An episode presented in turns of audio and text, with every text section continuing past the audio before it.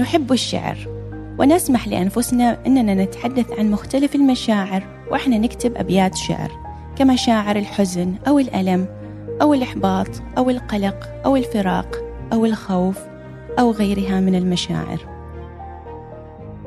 معكم ابتسام الوردي وأقدم لكم بودكاست وعي وتربية. لما نجي للواقع نبدأ بتحديد ماهية المشاعر اللي ممكن نعبر عنها وما هي المشاعر اللي عيب نظهرها وتحديدا عيب يظهرها الطفل. راح نقول للولد عيب تبكي أنت رجال. أو نقول للبنت كبرتي على البكاء. أو نغضب إذا غضب الطفل لأننا شايفين غضبه قلة احترام لنا.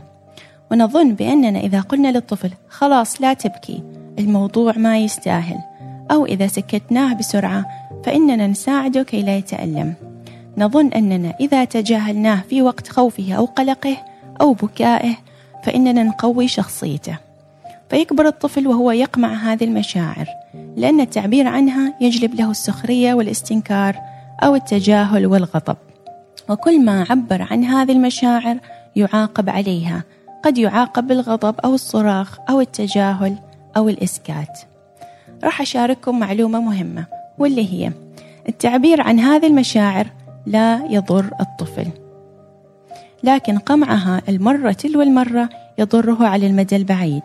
يؤثر قمع المشاعر على كيميائية الدماغ ويؤثر على مناعة الفرد وجهازه الهضمي وبالتأكيد يؤثر على قدرته في التفاعل مع الغير وتحديدا التفاعل نحو مشاعر الغير والتعاطف معها.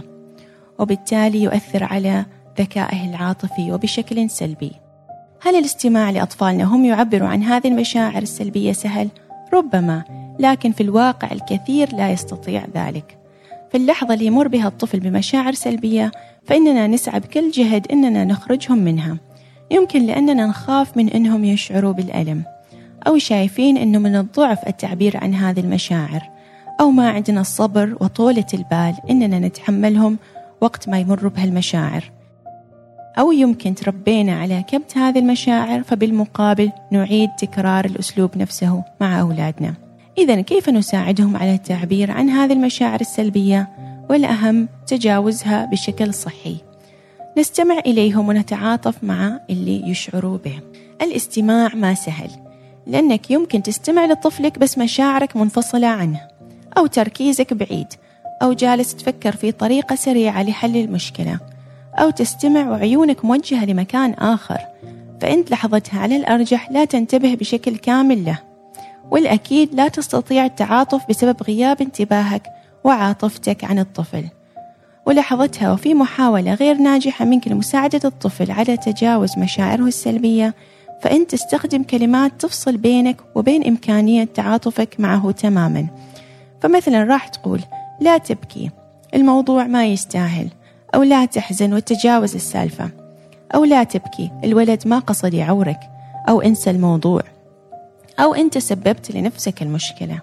أو أنت حساس إلى آخره من الكلمات.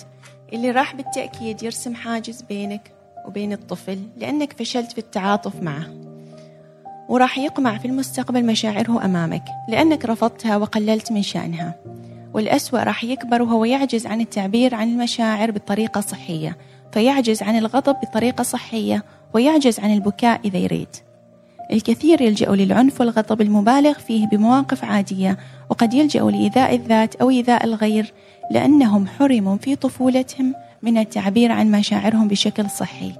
وقد يهربوا من المواقف اللي تحتاج منهم تصرف لأنهم يشعروا بالضغط وعدم القدرة على التعامل مع المشاعر السلبية لحظتها. لذا من المهم جدا أن يثق الطفل بأنك تتقبله وأن علاقتك به جيدة بغض النظر عن المشاعر اللي يمر بها لحظتها.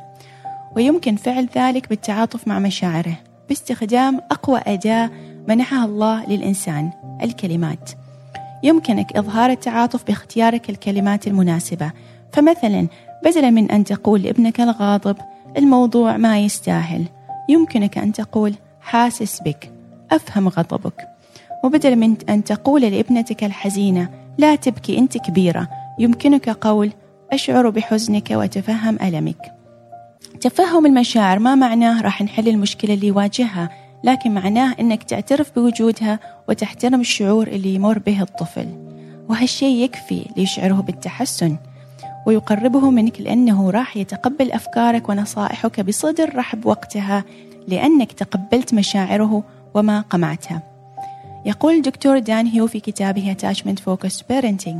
من المهم أن يتقبل المربي جميع مشاعر الأبناء لكي ينضجوا عاطفيا. وذلك ممكن بالاعتراف بالمشاعر السلبية مثل الغضب والحنق والخوف مثل ما نعترف بالمشاعر الإيجابية من فرح ورضا واطمئنان.